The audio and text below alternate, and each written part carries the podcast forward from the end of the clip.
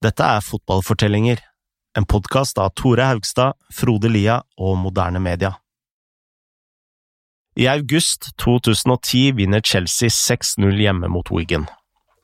Etter kampen blir treneren, Carlo Ancelotti, bedt om å dra til huset til Roman Abramovic, hvor han får en skyllebøtte. Abramovic er en vanskelig eier. Han sparker trenere, han ansetter venner, og han krever champagnefotball men så forsvinner han fra Stamford Bridge. Årsaken lenkes til et drapsforsøk på en tidligere dobbeltagent i England.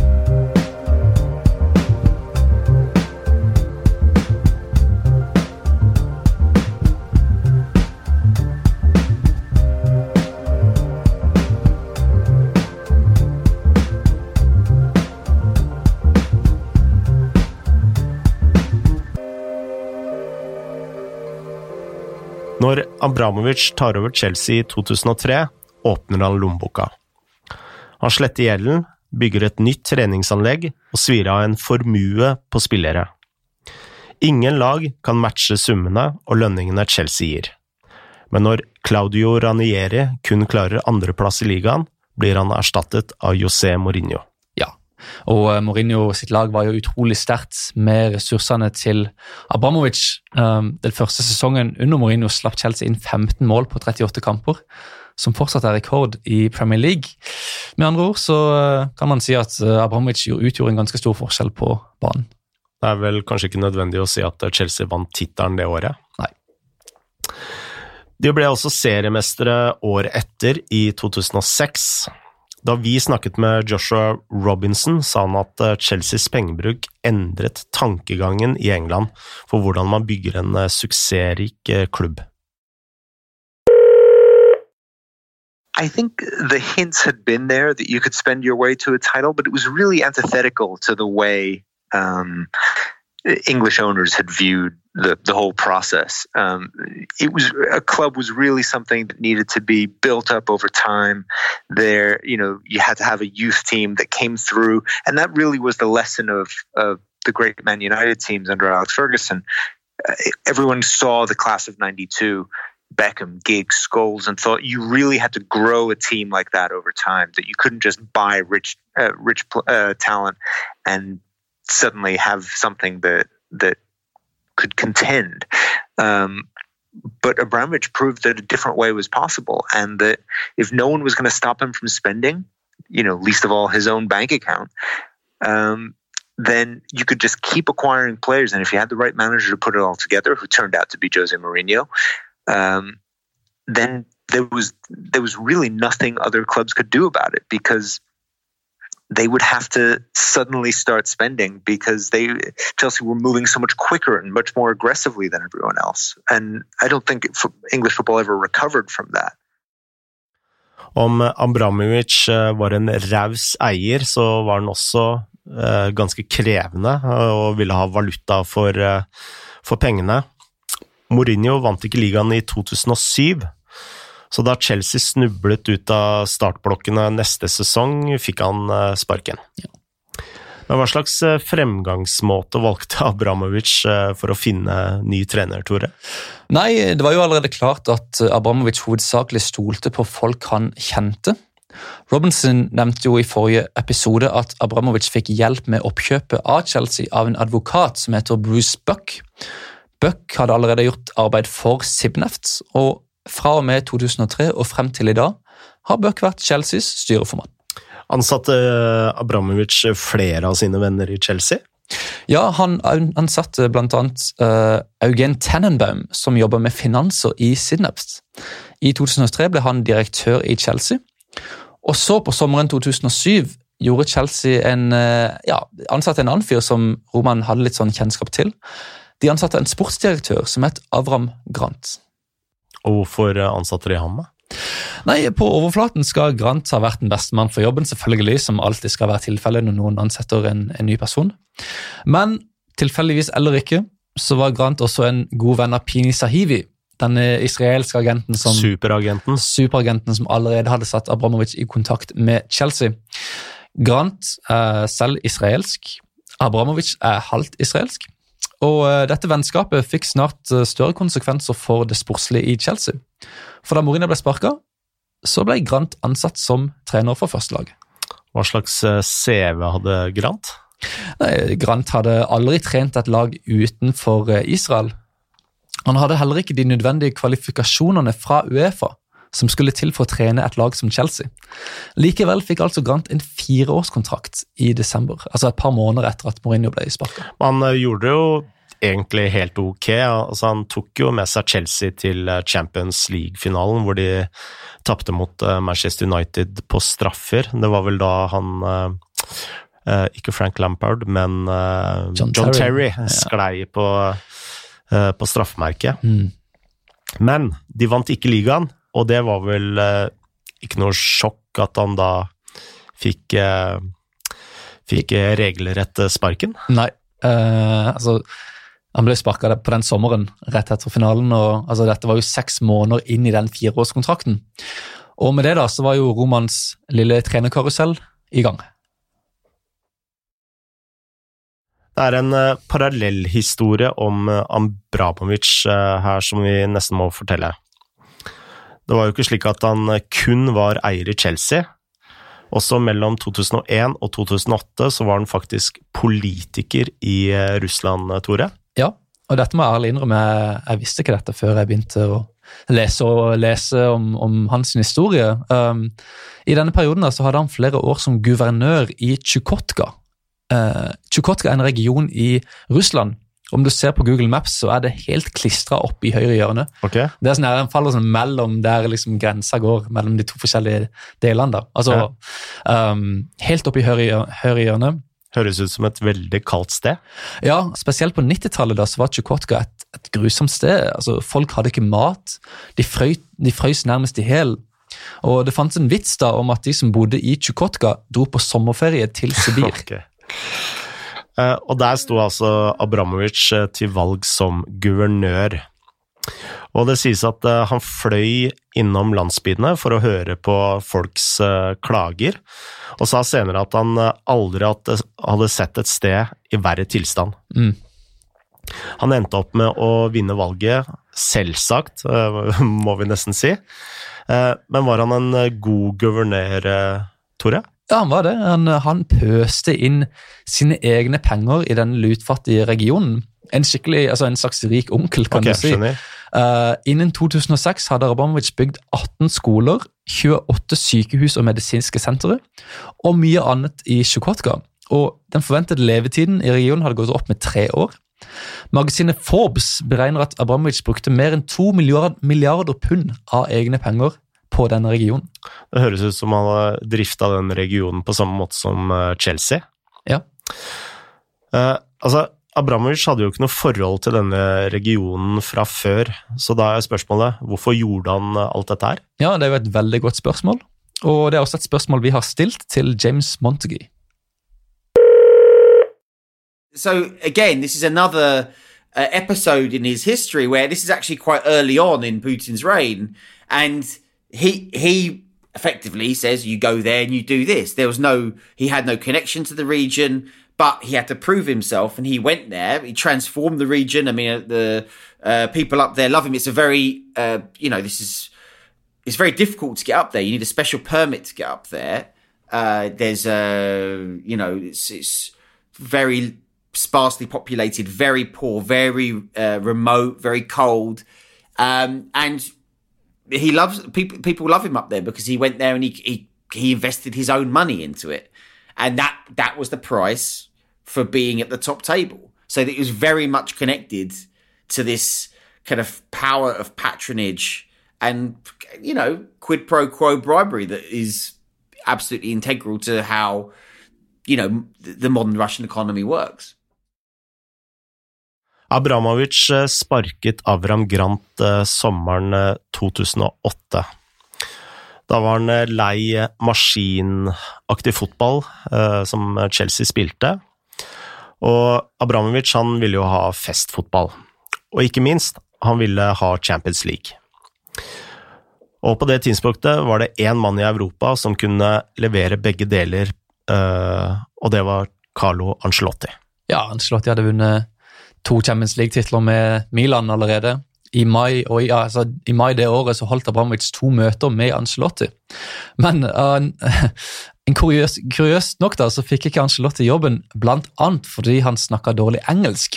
Så Chelsea valgte i stedet Luis Filipe Scolari. Ja, for han er veldig stødig i engelsk. ja, veldig, veldig stødig, så ja, litt, litt merkelig. Husker du disse gymøvelsene til Scolari på Chelsea-treningen, eller? Nei. Ja, altså, du så bare alle spillerne så på hverandre. Hva i alle dager er dette her? For de gjorde regelrett sånne gymøvelser som uh, man gjerne gjorde i gymmen for 30-40 eh, år siden. Skikkelig old school på alle måter. Veldig old school. Um, Uansett, Skolari han varte vel til februar den sesongen. Og da holdt Amramovic et nytt møte med Ancelotti, hvor han forklarte hva han ønska. Ja, og altså, altså Roman har hatt mange trenere i Chelsea, men grunnen til at vi forteller om Ancelotti, er at han har skrevet mye om hvordan det var å jobbe for Abramovic og uh, hva som skjedde. Uh, og Det illustrerer liksom hvordan det var å liksom samarbeide med Roman. Da uh, Da de to møttes, sa Abramovic at han ønska et lag med identitet. Og Jeg kan sitere her fra Ancelottis bok. altså Roman sa når jeg ser Barcelona og Manchester United, ser jeg ingen identitet. Nei, så ser jeg en identitet. Mm. Når jeg ser Chelsea, så ser jeg ingenting. Altså, Det var liksom ikke en klar spillestil. Der, sant? Så Abramovic ansatte Ancelotti med mål om å angripe og ha mye ballbesittelse. Mm.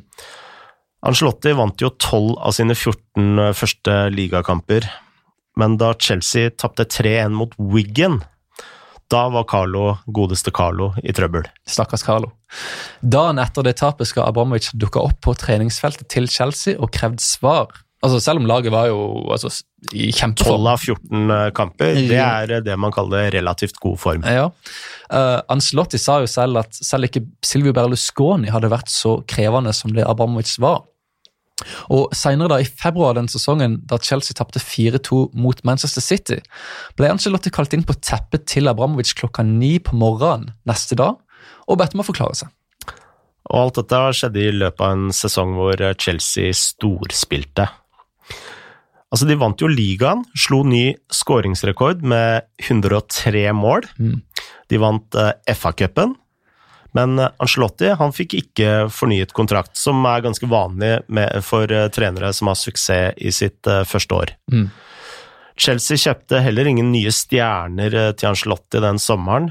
De eneste signeringene som kom inn, var vel Ramires og Jossi Benanjon. Ja, og uh, altså, Normalt sett, når en trener gjør det så bra i første året, så backer du han med mer, mer spillere sant? og en større kontrakt. Mm. Uh, men uh, Ancelotti ble, fikk ikke den støtten. Og Tidlig neste sesong, da når Chelsea vant sesongens første kamp 6-0 mot Wigan, så ble Ancelotti av en eller annen grunn bedt om å dra til huset til Abramovic og forklare seg. Okay. Og det er jo, altså Ancelotti skriver ikke hvorfor, men uh, han sa bare at han, han ble kritisert. For, for hva det vet jeg ikke. Det høres veldig sånn uh, Angelotti ut, og jeg blei ble litt kritisert. Det høres ikke ut som han blei litt kritisert. Nei, han, uh, ja. han er en gentleman, da. Men innen november hadde presset på Angelotti vokst ganske mye. For hør nå, Chelsea slet i ligaen, men her er noe jeg sjelden har hørt om. For styret bestemmer da for at de skal eh, sparke ikke Angelotti, men Angelottis assistent, Ray Wilkins. Ja, og, og det, det, kan jo legge til uten at uh, Angelotti er enig i det, da, selvsagt. Ja, de bare, de bare fjerner han helt ut av det blå. Uh, og uh, altså, du er jo trener sjøl, Frode. Jeg vet ikke hva du hadde gjort om noen hadde plutselig bare fjerna din, din, høyre hånd. men det spiller jo en ganske kritisk rolle for enhver trener. Og altså Wilkins han kjente Chelsea. Han var engelsk, han hadde en god rapport med de engelske spillerne i stallen. Riktig. Og ikke minst, Angelotti var jo veldig fornøyd med jobben Wilkins gjorde. Mm. Fant eh, Chelsea nå erstatter for eh, Wilkins til slutt? Altså, Ifølge Ancelotti så ville Abramovic at Mikael Emenalo skulle være den nye assistenten. Og um, Emenalo hadde vært, uh, altså, han hadde blitt henta til Chelsea som speider av Avram Grant. Grant hadde vært treneren til Eminalo i Makabi Tel Aviv, så der har du en ny ansettelse som kommer litt, sånn, litt fra Israel. Men altså, Ancelotti sa jo at han ikke trengte Eminalo. Og uh, visstnok så skal heller ikke Eminalo ha vært spesielt komfortabel i denne rollen som assistent. Og midt oppi alt dette kaoset, i januar den sesongen, kjøpte Chelsea Fernando Torres og David Luiz. Og i april møtte de Manchester United i kvartfinalen i Champions League. De tapte den første kampen 1-0, og før returkampen ga Abramovic spillerne et ganske heavy ultimatum. Ja, altså Abramovic ser jo veldig sånn snill og, og harmløs ut, men Harmonisk? Harmonisk, men uh, før den kampen altså skal han sagt at om de ikke vant, kommer det til å bli store utskiftninger i laget. Og det verste ble jo servert til Ancelotti da. Uh, Abramovic sa at om Chelsea tapte, så trengte ikke Ancelotti engang å komme inn på kontoret dagen etter. Det er det man kaller strake pucker. Klar tale. Og uh, Ancelotti han var jo usikker på om han skulle ta dette seriøst, men uh, uansett så altså, tapte Chelsea 2-1 og røyk ut. De vant ikke ligaen. Og da de tapte bort mot Everton på sesongens siste dag, ble Ancelotti sparka innen et par timer. De neste årene prøvde Abramovic å skape festfotball. Han inviterte bl.a. Pep Guardiola til yachten sin i Monaco, men eh, også han sa nei. Og det var den uh, sommeren uh, de hentet André Villas Boas, som uh, heller ikke lykkes. Nei, han Ja, det var vel høy forsvarslinje med Terry på stoppeplass og alt det her. Slippery te Terry. ja. ja. Det gikk ikke så bra. Men så kom Roberto Di Matteo inn, gamle legenden som ga Chelsea Champions League-tittelen i 2012. Og siden det har Chelsea vunnet to nye ligatitler, men da under Mourinho og Antonio Conte. Men Abramovic har ennå ikke hatt et suksessrikt lag som spiller denne festfotballen han alltid har ønska å, å, spille med Chelsea. Nei, det nærmeste var jo han slått i 2010, og etter det så har det jo vært altså, Di Matteo som forsvarte seg til CL-tittelen. Conte og, og, Mourinho som er pragmatiske mm. trenere. Um, og I løpet av denne perioden så har jo også det økonomiske landskapet i Premier League forandra seg. Alle tittelrivalene har fått utenlandske eiere, noe vi skal dekke i de neste episodene i denne sesongen. Og vi kan jo, kan jo allerede si uh, at uh, mange av disse har brukt mye mer penger enn det Abramovic har gjort. Samtidig introduserte Uefa vel uh, sine Financial Fair Play-regler, som i grove trekk betyr at klubber ikke kan bruke mer penger på spillere enn de faktisk tjener. Altså kan ikke en riking som Abramovic bare pumpe inn sine egne penger, klubben må faktisk tjene pengene selv. Ja, litt sånn anti-Abramovic-lov, anti kan du si. Riktig. Ja, og dette har skjedd samtidig som Chelsea har brukt mindre penger enn før. Og for å vite litt mer om hvorfor dette har skjedd, har vi snakka med Kieran Maguire. Han er en ekspert på fotballfinans som jobber ved University of Liverpool. Han har også skrevet en bok som nettopp kom ut, kalt The Price of Football. La oss høre hva Kieran har å si om uh, hvorfor Chelseas forbruk har gått ned.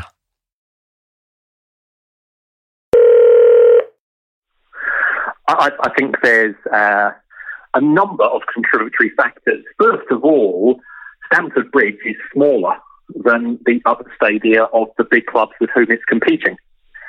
So, with a capacity of 41,000 compared to 76 at Old Trafford, you know, the high 50s at uh, Liverpool, uh, Manchester City, Arsenal, and Spurs, both at 60,000. So uh, Chelsea have, have, less money to coming in, and we are, are now operating within a financial fair play environment.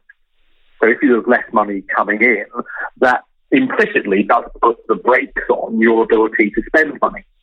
I, I, I also suspect that his view was that he, he put a lot of money in initially into the club, and therefore it, it should at some point uh, be in a position where it can go and operate independently of him. And, and I think we're, we're there at present. Chelsea er altså en modell som skal fungere uten pengene til Abramovic. Men om vi ser på finansene, så gjør jo ikke Chelsea det så veldig bra. Nei, det gikk 100 eh, millioner pund i minus forrige sesong. og... Uh, altså, men altså, det finnes jo måter da for Chelsea å øke inntektene innenfor Financial Fair Play uten at Abramovic, Abramovic bruker sine penger sjøl. Du kan selge mer drakter. du kan øke de kommersielle inntektene, du kan selge spillere, og ikke minst, du kan bygge et nytt stadion. Ja, og i januar 2018 kom, kom, jo Chelsea med planer om en ny stadion med plass til 60 000 tilskuere. Men så skjedde det noe som ødela de planene. Og det var koblet opp mot et uh, drapsforsøk, av alle ting. Ja, det høres jo litt ekstremt ut, men uh, det var sånn det var. Altså, To måneder etter at Chelsea la ut de planene, ble Sergej Skripal og hans datter nesten drept i den lille engelske landsbyen uh, Salisbury.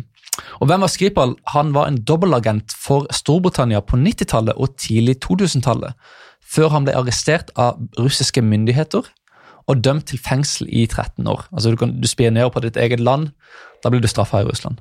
Mm. Skripal ble satt fri sammen med tre andre fanger i bytte mot ti russiske spioner som hadde blitt arrestert av FBI. Og uh, For noen år siden da, så bodde han i England, i Salisbury. Men så prøvde altså noen å drepe han med nervegift. Og dette var jo en sak uh, som også ble skrevet om mye i norsk eh, presse også. Men eh, britiske myndigheter anklaget da Russland for eh, mord og kastet ut russiske diplomater. Mannen som styrte Russland, var fortsatt Vladimir Putin. Og så var det plutselig en forsinkelse, altså plutselig en forsinkelse, i å fornye Abramovic sitt britiske visum. Ja, Abramovic trengte jo visum for å bo i London, og på overflaten så skal jo dette mordforsøket og Romans visa ha vært to isolerte hendelser. Abramovic hadde jo ikke noe å gjøre med dette mordforsøket. Men selvfølgelig så husker vi jo fra forrige episode at Abramovic er en nær venn av Putin. Så vi spurte James om dette. Altså, Ville det vært naivt å tro at disse hendelsene var urelaterte? Of course it would. I mean, it's absolutely connected. I mean, the the Skripal poisoning you know, this is the. I mean, you know, I think it's the only time in mainland Europe that chemical weapons have been used since the Second World War. I mean, it was an absolutely. Well, actually, this. You know, then you, before even before that, you had, um, you know, a Litvinenko, a kind of former intelligence officer, basically being assassinated in London uh, using polonium, and the British because the British economy and London in particular is so dependent on Russian money or has become very dependent on Russian money, certainly in real estate, um, that um, Litvinenko, there was so little pushback that the Russian states felt and security agencies felt that they could pretty much hunt down who they wanted and do what they, they liked. And what Skripal, I mean, I, I, wouldn't give Theresa May many, the British Prime Minister at the time, many uh, positive um, accolades, but actually the pushback against um, kind of kind of dark Russian money, especially and and focusing in on Abramovich, somebody who has invested a lot of money in Britain and um, has bought a lot of assets in Britain and uh, has a very high profile, to turn around and say, okay, how do we send a message to Russia and especially to Vladimir Putin that this is not going to be acceptable? to then effectively ban him from working in the UK is, I think, the, the, one of the biggest signs that this isn't just an independent businessman who invests in, he just happens to come from Russia, loves football and invests in Chelsea. It's the biggest sign that, um, that his, his actions are connected to, I mean, he's not connected in any way to the scribble poisoning, but it's, it's part of the same ecosystem of power, um, that that has enriched him and, and has kept uh, Vladimir Putin at the top of a, you know an extremely corrupt kind of kleptocracy. Abramovic fikk ikke visum fra Storbritannia, og kun noen dager etterpå annonserte Chelsea at de kom til å utsette sine planer om en uh, ny stadion. Igjen tilfeldigvis. Um, tilfeldigvis. Ikke noe payback nei, der, altså. Nei, nei, nei, på ingen måte. Uh, selvfølgelig, dette var jo Abramovic sitt svar til den britiske regjeringa. Og uh, i skrivende stund da, så har ikke Chelsea noen planer om å fortsette dette prosjektet. Uh, og ifølge Maguire så er det, det er bare logisk at Abramovic har nekta å bygge dette anlegget. There's also no doubt that um, the refusal of the British government to renew his visa um, which has been done for geopolitical reasons, um, has has soured his relationship with with the UK because. Uh, you know, London's a very cosmopolitan city. It, it's a great place to live if you're as wealthy as Roman Abramovich, and and to feel. I think he feels that, that given the extent of the investment he's made um, in, in making Chelsea effectively the, the preeminent London football club over the course of his you know, around about what 15, 18 years of involvement with the club. Um, he, he feels very disappointed in the response of the British government, and, and therefore, what, why should he continue to, to underwrite um, huge losses?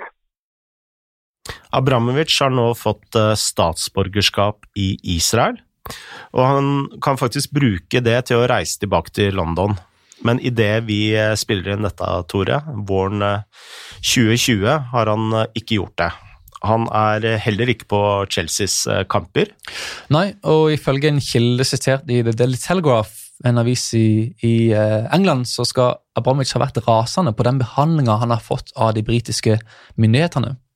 Og Dette har skapt spekulasjoner om hvorvidt Abramovic kommer til å selge Chelsea. Enkelte tror det kommer til å skje ganske snart, men Chelsea sjøl hevder at han ikke har noen planer om å forlate klubben. Men uansett så kan vi trygt si at uh, Abramovic har hatt uh, en veldig stor innflytelse på eierskapet i Premier League. Ja.